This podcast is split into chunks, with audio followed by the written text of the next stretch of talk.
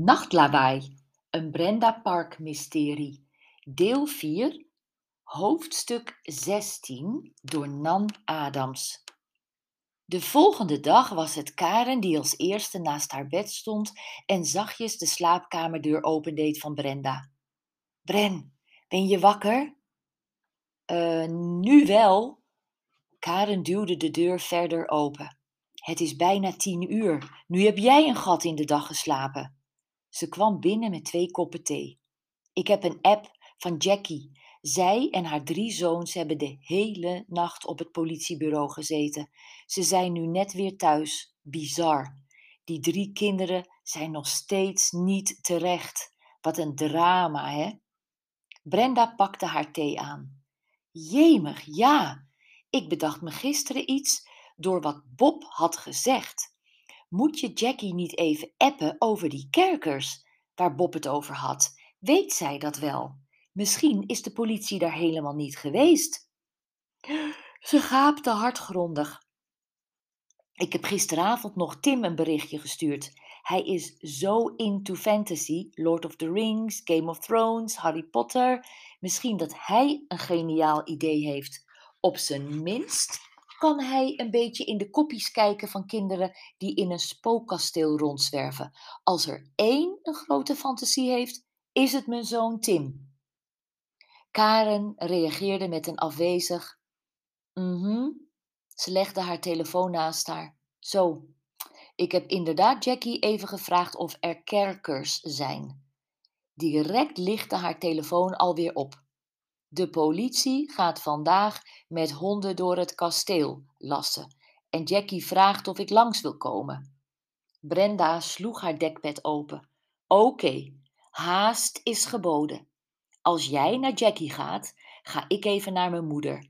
En dan ga ik vanmiddag proberen verder te schrijven aan mijn boek. En wat boodschappen halen. En dan kook ik vanavond mijn specialiteit voor je: kip, wok, groente, rijst. Serieus? Dat heb ik nou nog nooit van jou gegeten. Karen stak haar tong uit. Geintje. Het is ongeveer het enige gerecht waar ik mijn handen voor in het vuur durf te steken. En nu ik dat zeg, ik zou daar per ongeluk nog toe in staat zijn ook.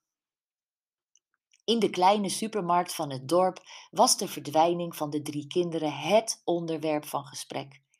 Het moet ook gewoon bij Sint Maarten blijven. Dit krijg je nou van dat Halloween. En het is een heks, en dat is ze.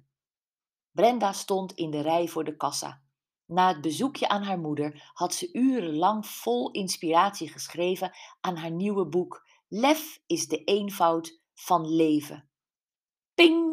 Ze keek op haar telefoon. Waar ben je? Karen. Bijna thuis, Epte Brenda terug. Carlsen kwispelde zoals altijd zijn staart er bijna af toen ze met haar armen vol boodschappen de bijkeuken van Karen binnenging. Of ze nu een minuut of een dag weg was, zijn welkom was altijd even enthousiast. Waar is Buster? Carlsen en waar is Karen?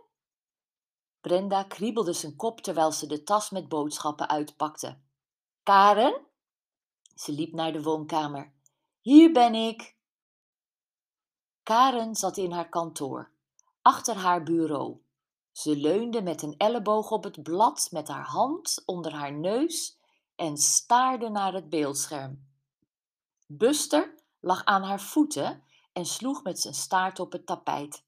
Hij verroerde zich niet, alsof hij de spanning voelde die onmiskenbaar in de ruimte hing. Wat is er?